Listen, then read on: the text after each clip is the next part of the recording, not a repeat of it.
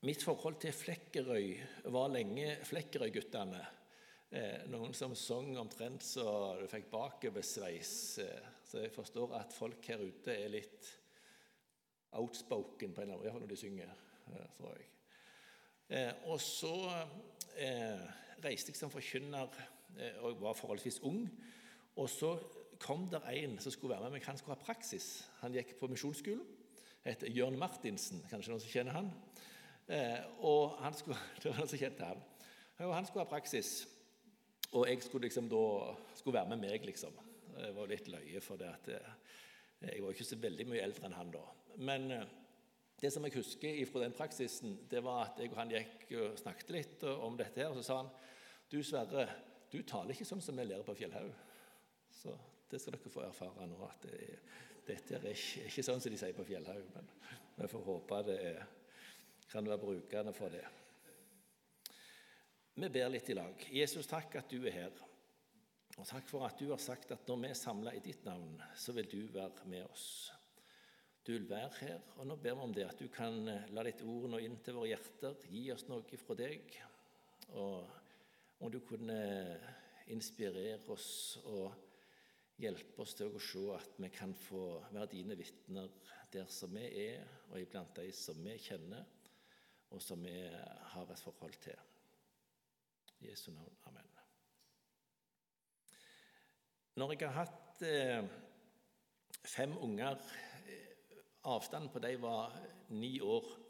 Eh, så da var det en periode i livet at det var litt hektisk.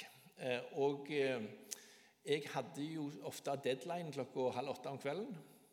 Eh, og så husker jeg en gang jeg hadde ikke roen. og da gikk jeg inn der jeg forberedte meg, og så låste jeg døra. Jeg måtte, Hvis ikke så var det altfor mye mas og ting, så jeg måtte hjelpe med alt mulig.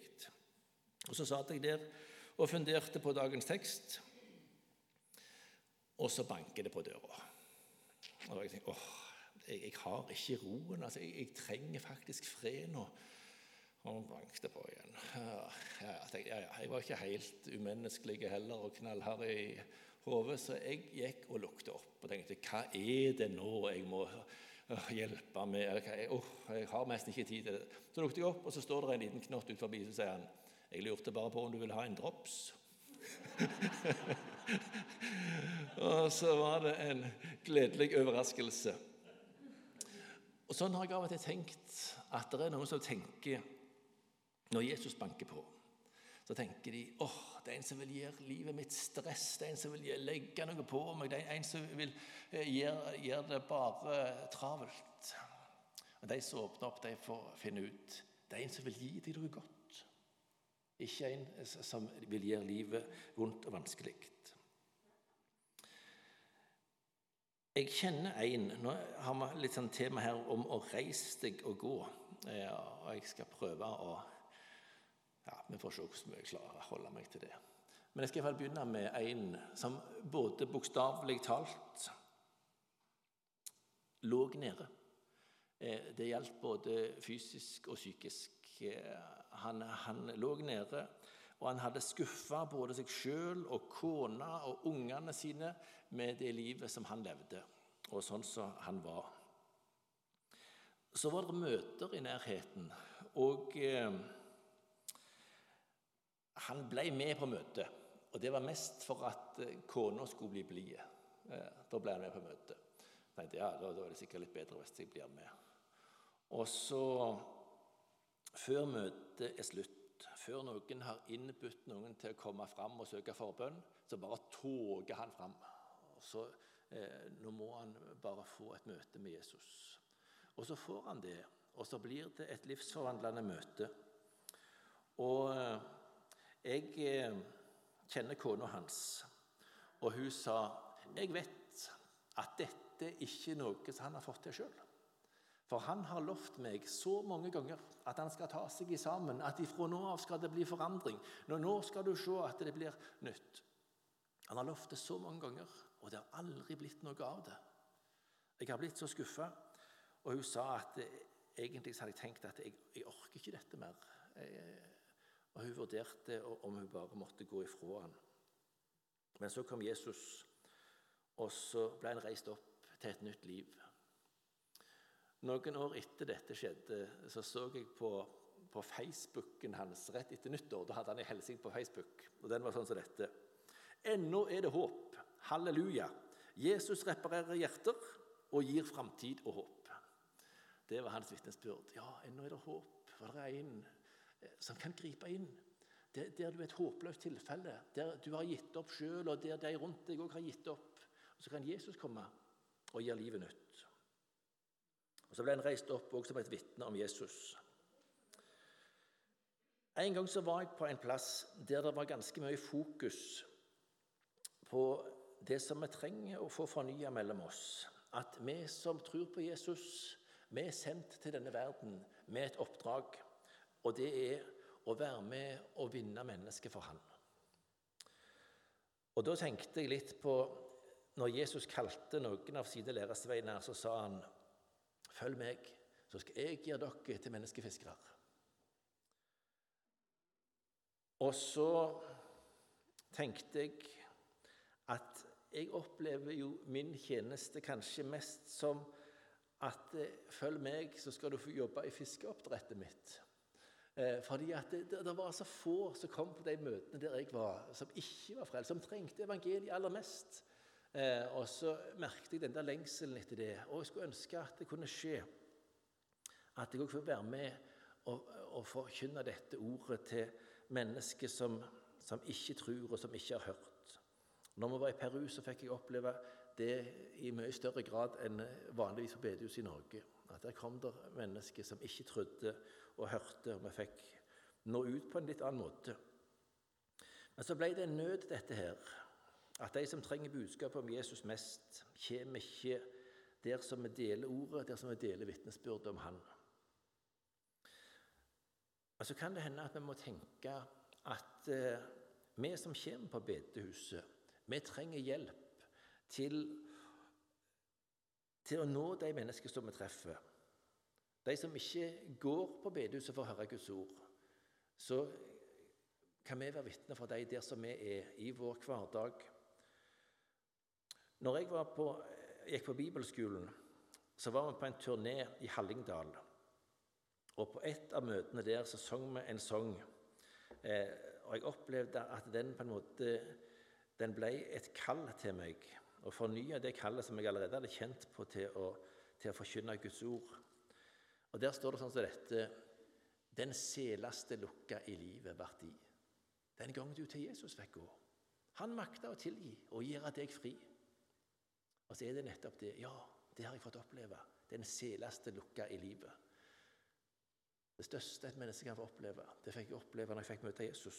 Men så kom dette Men sa du til andre ifra? Hva sa du da ikke ifra om det du hos Jesus fikk se? Hvor kan de vel komme til trua om ingen vil seie ifra? Og så er det nettopp det som er kallet. Si ifra. Ikke si ifra om det de andre har sett. Si ifra om det som du fikk se. Si ifra om det som du eh, har eh, fått ifra Guds ord, det som du har opplevd. Og så er dette et utrolig godt budskap vi har. Og det er ikke sånn at det er for godt til å være sant, men det er for godt til å ha for seg sjøl. Og så tror jeg brennende hjerter det tennes med at jeg får glede meg i Jesus. At jeg får se det som jeg har i Han. Eh, og da blir det litt sånn at det, det renner over.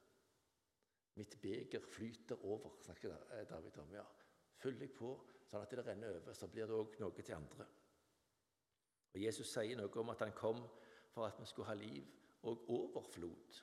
Og Det, snakker, det er ikke noe sånt luksusliv det snakker om, dette overfloden. Men overflod er at jeg har ikke bare nok til meg sjøl, men jeg har nok til å dele med andre òg. Det vil han gi. I Bibelen så leser vi mange plasser om mennesker som Gud møtte, og som i det møtet med den levende Gud kjente at det som jeg nå har fått, det er jeg bare nødt til å dele med andre.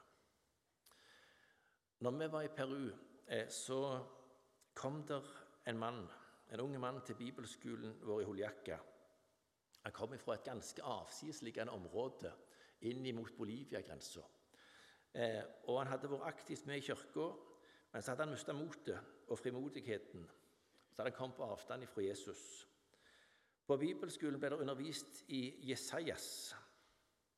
Og så står det i Jesaja kapittel 6 eh, om eh, hvordan Gud eh, møtte Jesaja og, og kalte han. Og så, eh, så ble de ordene der noe ganske spesielt for han her som fikk høre denne undervisninga. I det året da kong Ussia døde, så jeg Herren sitte på ei høg og opphøyd trone. Kanten på kappa hans fulgte tempelet. Sirafar sto omkring han. Hver av dem hadde seks venger. Med to dekte de andletet, med to dekte de føttene, og med to flaug de. De ropa til hverandre. Heilag, heilag, heilag er Herren Sebaot. Hele jorda er full av Hans herligdom. Røysta som ropa, fikk boltene i dørterskelen til å riste. Huset ble fullt av røyk. Da sa jeg, ved meg, det er ute med meg. For jeg er en mann med ureine lepper. Jeg bor i et folk med ureine lepper og øynene mine har sett Kongen, Herren over herskarene. Da flaug en av serafene bort til meg. I handa hadde han ei glo som han hadde tatt med, med ei tong fra alteret. Med den rørte han ved munnen min og sa, Sjå, denne har rørt ved leppene dine. De skyld er borte, de synd er sona. Da hørte jeg Herrens røyst. Han sa, Hvem skal jeg sende, og hvem vil gå for oss? Jeg sa, Jeg Send meg. Og så så vi det noen ganger på bibelskolen, eh, hvordan dette ordet ifra Gud bare gikk inn, og så skapte det noe. Så skapte det noe helt nytt. Han her som hadde mista aldeles motet og frimodigheten, kom vekk ifra Jesus, han fikk et møte med, med Gud igjen. Og så kjente han seg igjen i Jesajas som måtte si ved meg, jeg er fortapet. Jeg, jeg, jeg, det nytter visst ikke fra meg. Jeg er en synder. Men så fikk han høre det skjedde noe, og det var ikke i han, men det skjedde noe ifra Guds, ifra Guds alter. Så kom der et bud. Så kom der men noe ifra Gud, og det var dette ble rørt med Han. Skylda de er vekke, synda de er sona. Og så fikk han glede seg. Tenk det. Gud sier at min synd, den er sont. Skylda mi betalt. Og så kom spørsmålet Hvem skal jeg sende? Hvem skal jeg sende med dette ordet om en Gud som tilgir synd? Da kjente han ja, det, det vil jeg. Jeg vil gå med det. Jeg vil gå med det. Og Så reiste han hjem til sin heimbygd som et frimodig vitne om Jesus. Et møte med den levende Gud både dømte han og satte han fri. Og så sendte han ut med vitnesbyrd om Han som tilgir synd. Noen som er frimodige vitner om Jesus, de vil oppleve at det er ikke så populært. De kan oppleve at noen vil prøve å få dem til tie stilt, til og med. Må ikke snakke sånn. Må ikke snakke som om Jesus. Jeg syns det svaret som Peter og Johannes gir i Apostelgjerningen 4, er flott.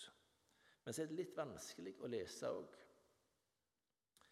De blir bedt om å tie stilt. Myndighetene blant jødene der sier nå må dere ikke snakke mer i Jesu navn. De har forkynt frimodig om at det er ikke frelse i noen annen. Det er ikke noe annet navn under himmelen så det går an å bli frelst med. Og Så svarer de i apostelgjerningene 4, vers 19 og 20. Men Peter og Johannes svarer, døm sjøl om det er rett i Guds øyne å lye dykk mer enn Han. Vi kan ikke annet enn tale om det vi har sett og hørt. De hadde noen ord ifra en høyere rett. De hadde ifra den absolutt høyeste retten òg.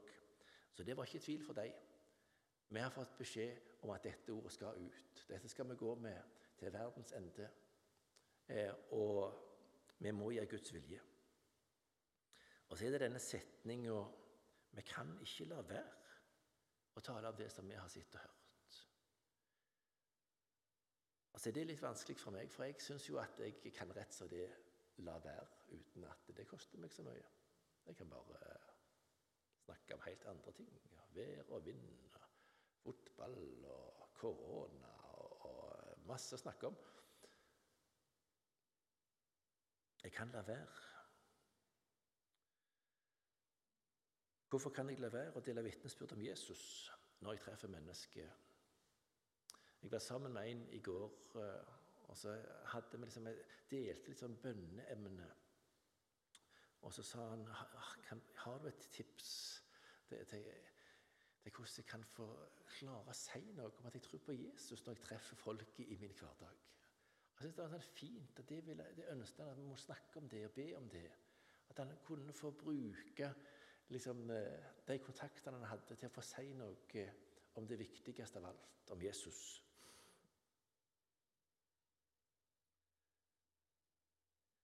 Hva er det som gjør at vi er redde? Kan vi være redde for å dumme oss ut? Kanskje vi blir litt røde i toppen? Vi skjems? kan lure på hva folk vil tenke om meg hvis jeg sier noe om Jesus.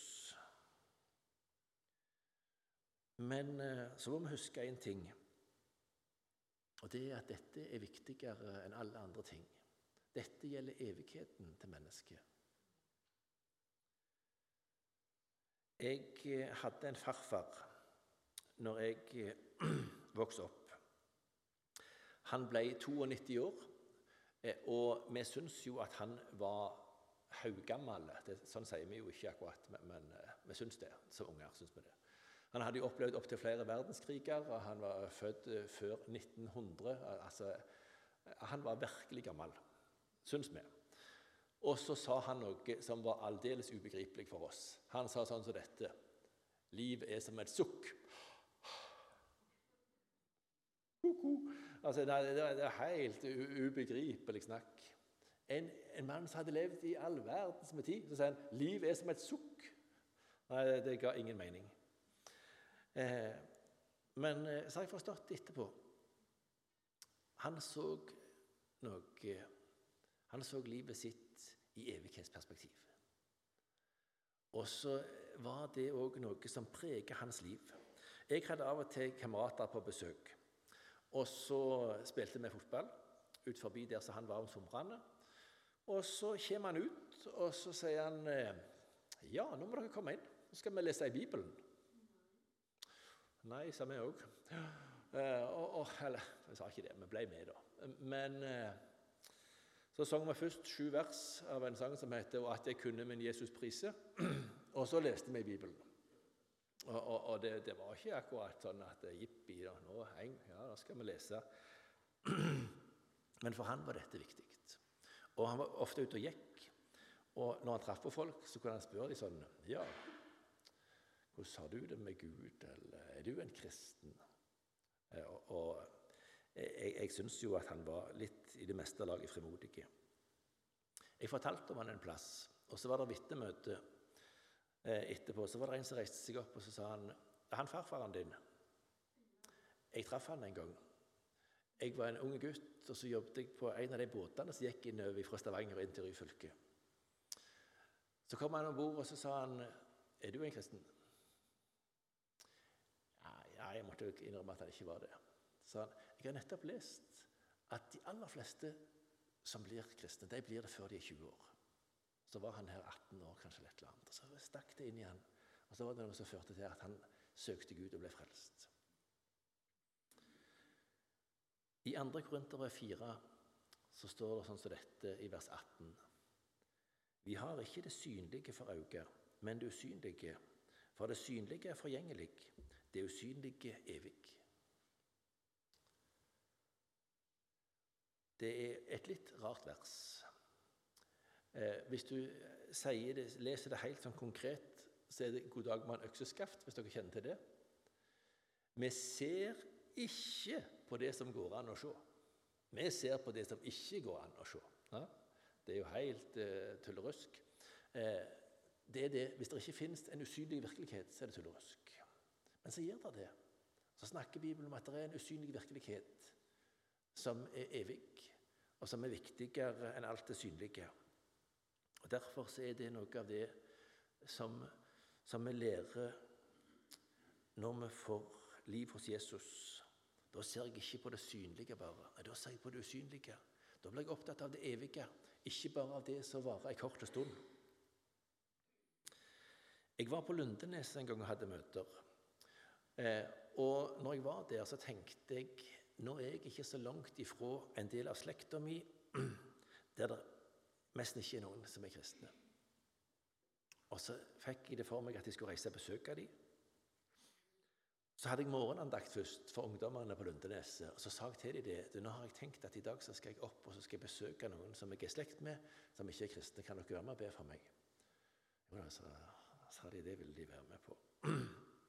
Jeg reiste av gårde, eh, og så fikk jeg dele eh, ifra Bibelen vitnesbyrd, og spesielt en eh, onkel av meg som var syk, som jeg fikk, eh, fikk, dele med. Og jeg sang en sang og, og fikk dele ord om Jesus. Og så var det noe ganske spesielt. Eh, han var ikke en som nødvendigvis sa så veldig mye. Men når jeg gikk derifra, så var det et håndtrykk. Og det var sånn at han ville omtrent ikke slippe meg. Og så tenkte jeg at det var kanskje takk for at jeg kom med det ordet til han. Og Det var siste gangen jeg traff han. Kanskje det nådde ordet inn når han fikk påkalle Herrens navn til å bli frelst. Det vet jeg ikke. Men så fikk jeg treffe noen andre i slekta. Så tenkte jeg nå var jeg så godt i gang at nå var det bare å kjøre på. Så jeg da halte opp Bibelen og sa jeg har noe her som jeg vil dele med dere. Og så kjørte jeg på med noe av det beste jeg visste. Eh, og så fikk vi en god prat. Og så sa jeg til dem det før jeg gikk og skulle nå ferja Vi skulle egentlig snakket oftere. Det var kjekt å kunne snakket, truffes oftere og snakket om mer enn det som er sånn vær og vind. Og Jeg holdt på dette av stolen når de sa at det hadde jo vært kjekt eller interessant. eller sånn. Syns dere virkelig det? Ja, syns det. Så sa det meg noe om at eh, av og til så er vi bare redde og tenker at folk syns sikkert det bare er helt tull å høre om hva vi tror på og hva vi tenker. Eh, men så er det en åpen dør noen ganger for Jesus. Så kommer jeg tilbake til Lundeneset og er veldig glad for de åpne dørene jeg hadde møtt. Når jeg går ut av bilen, så er det en kul ungdom der med caps på hodet som spør hvordan gikk det med deg. Jeg ba for deg. Og så syns jeg det, det, ble enormt fint. Altså, hva du si, det er jo, eh, Jeg opplevde at, eh, at Jesus åpna opp for meg. Det var kanskje også fordi at dere var med og ba. Så ble det åpent å snakke om Jesus. Hvorfor er det så viktig at vi reiser oss og går? Det er fordi at budskapet som, som vi har, er så helt avgjørende for alle mennesker. Det er ikke frelse i noen annen. Under himmelen er det ikke gitt mennesket noe annet navn som vi kan bli frelst med. Og så tror jeg at eh, mange mennesker går rundt med en tomhet og en lengsel i sitt indre. Kjenner på ja, eh, eh, det, det er noe her inne som ikke er tilfredsstilt. Og så prøver de å fylle det med alt mulig i denne verden. Men det er ikke hjelp å få der. Jeg har vært med og arrangert alfakurs, eh, og i det opplegget der så står det eh, om noen ledende psykologer eh, som, som, har sagt noe om hvordan vi mennesker er. Og Da var det Freud. Han sa mennesket hungrer etter kjærlighet. Når han skulle si noe generelt om mennesket. Jung han sa mennesket hungrer etter trygghet. Adler sa mennesket hungrer etter å bety noe. Så sier de altså litt forskjellige ting, men alle sier det typiske for mennesket det er at de hungrer. Og så stiger det inn en i denne verden der det typiske er å kjenne på en hunger. Og så sier han sånn som dette Jeg er livets brød. Den som kommer til meg, skal ikke hungre. Den som tror på meg, skal ikke tyste. Og ikke nok med at svolt og tyst blir slukka, men den som drikker, blir òg en tørsteslukker. Når Jesus eh, møter ei kvinne med brønnen i Samaria der. Så sier han sånn som dette.: Den som drikker av det vannet som jeg vil gi, skal aldri mer tørste.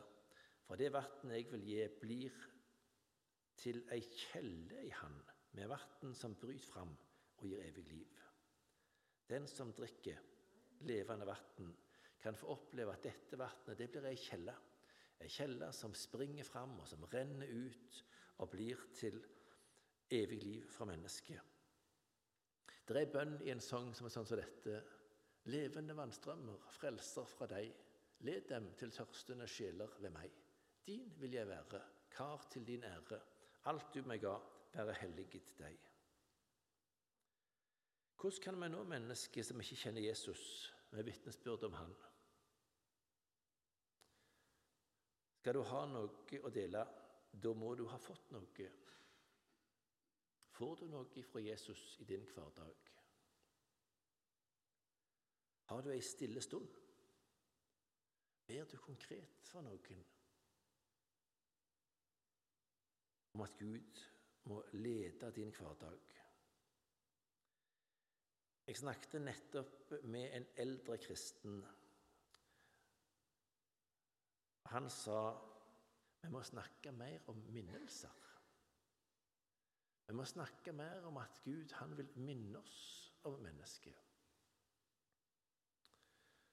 Og Så fortalte han hvordan han hadde fått nådd inn til noen mennesker med ord om Jesus, fordi at han på en måte var litt på den kanalen der han ba Gud kan du, kan du vise meg om det er noen du tenkte jeg skulle bety noe for. Jeg, jeg ønsker at du skal lede meg til mennesket som jeg kan bety noe for. Og Så ble han minnet om å ta en telefon eh, til ei som lå for døden. Det stikka innom til noen. Og så opplevde han òg det. Det var ei åpen dør der som han ble minnet om eh, å, å gå til noen. Jeg leser en historie om det var han eh, Asbjørn Kvalbein. Han er jo et unikum når det gjelder historier og illustrasjoner. Eh, jeg tror det er kanskje han jeg har plukket denne her fra. En barbeint gutt ble stadig mobba fordi han var en kristen. En dag sa kameratene til han, hvis Gud virkelig er glad i deg, hvorfor sørger han ikke bedre for deg? Han kunne jo f.eks. si til en eller annen at han skulle gi deg et par sko. Gutten ble taus en stund så sa han med tårer i øynene Jeg tror at Gud sier det til noen, men de hører ikke etter. Og så lurer jeg på om det er noen lengtende sjeler rundt deg og meg eh, som Gud ville minne oss om. Og så tenker de kanskje er det ingen som hører etter den lengselen som jeg har. Det er ingen som hører etter er det ingen som Gud minner om å komme til meg.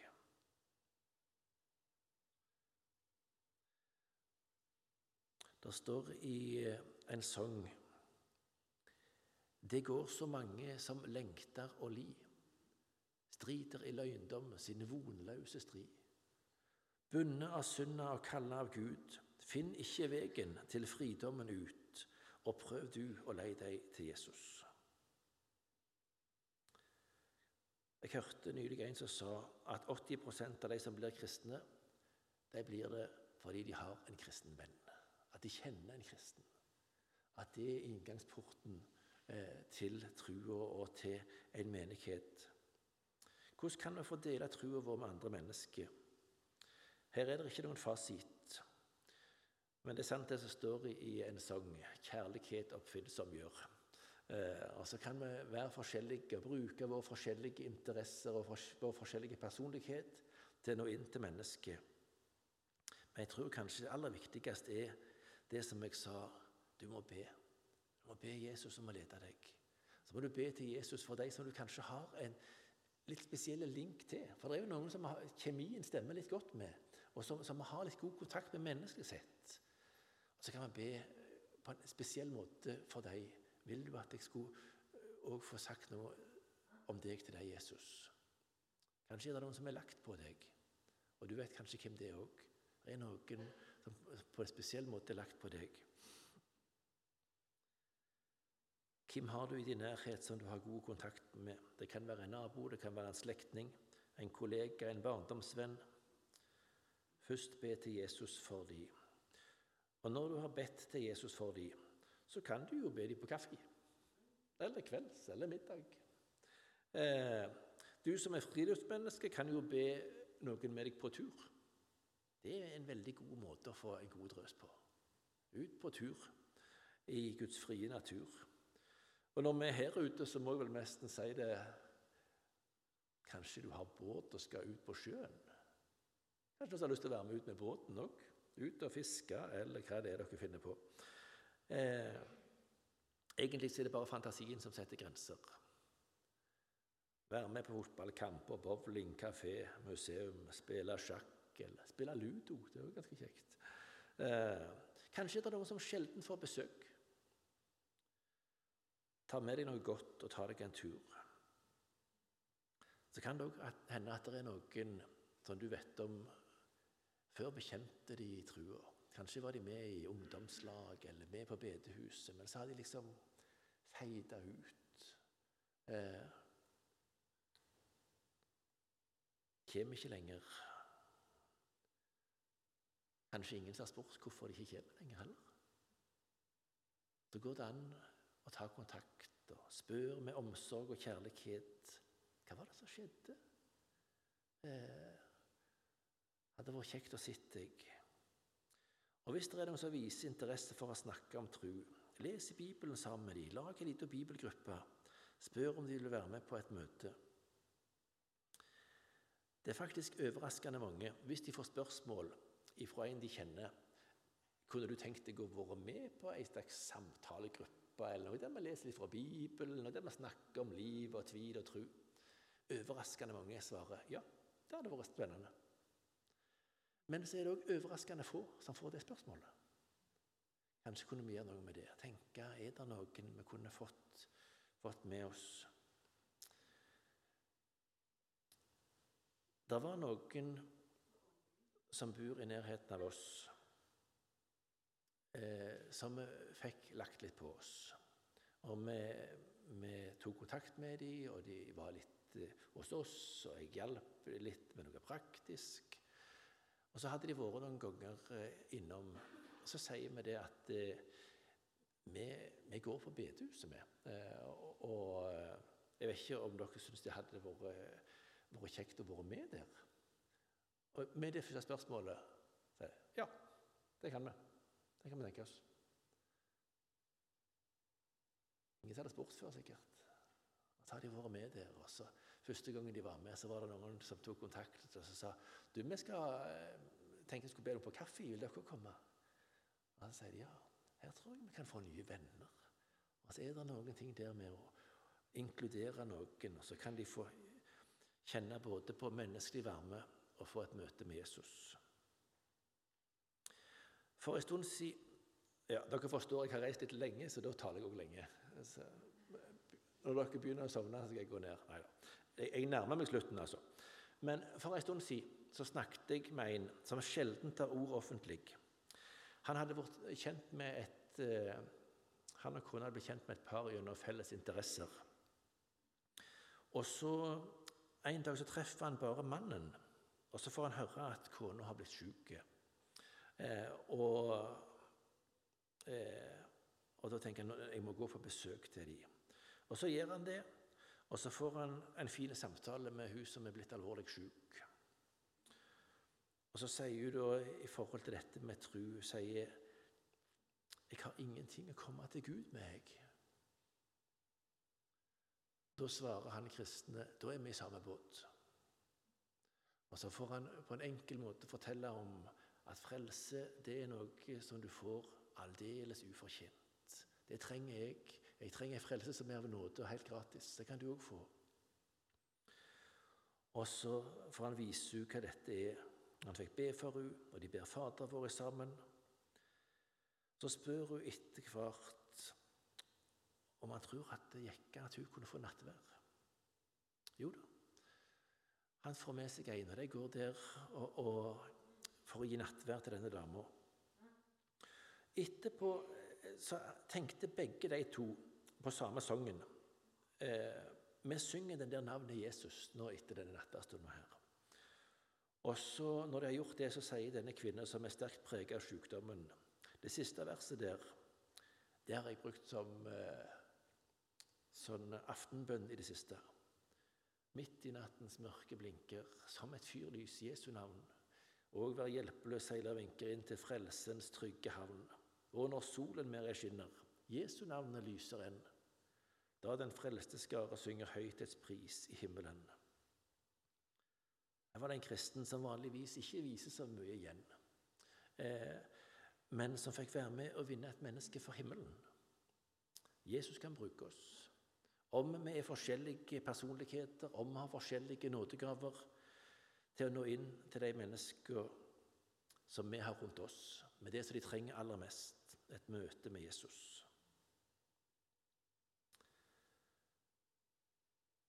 Jeg tror jeg slutter med et vers fra Johannes 15 som sier noe om at eh, det som skal til hvis vi skal kunne bære frukt, det handler om å få leve i Jesu nærhet. Jeg er vintreet, det er greinene. Om det blir i meg og jeg i dykk, så ber det mye frukt. Men skilde fra meg kan det ingenting gjøre. Står det i et vers av den sangen som jeg siterte litt før Glem ikke plassen ved Frelserens fot. Der får den kraftløse styrke og mot. Lev nær din Frelser, så får du hans sinn. Da kan du sanke for himmelen din og leve til ære for Jesus. Kjære Jesus, Takk fordi at vi skal få lov til å, å synge om at vi fikk oppleve den seleste lukka i livet. Det største det et menneske kan oppleve, fikk vi oppleve når vi fikk eh, møte deg og tro på deg og stole på deg. Takk for at du gir liv til den som kommer til deg. Og så har du sagt noe om at eh, vi skulle gå ut til mennesker med dette. Alle trenger det. Og det er en arv som, eh, som det er mange som ikke vet om at de har del i. Hjelp oss til å si ifra, og vis oss mennesker som er rundt oss, som du tenkte vi skulle bety noe for. Hjelp oss til å bruke tid sammen med dem og gå i de ferdiglagte gjerningene som du vil legge i vår vei. Så ber vi for de her på øyene som er bønnebarn, og de som du kaller på Jesus. Ber om at det var noen som fikk oppleve at eh, det var noen som hørte etter når du minte dem om at de skulle gå til noen, eller at de skulle ta kontakt med noen.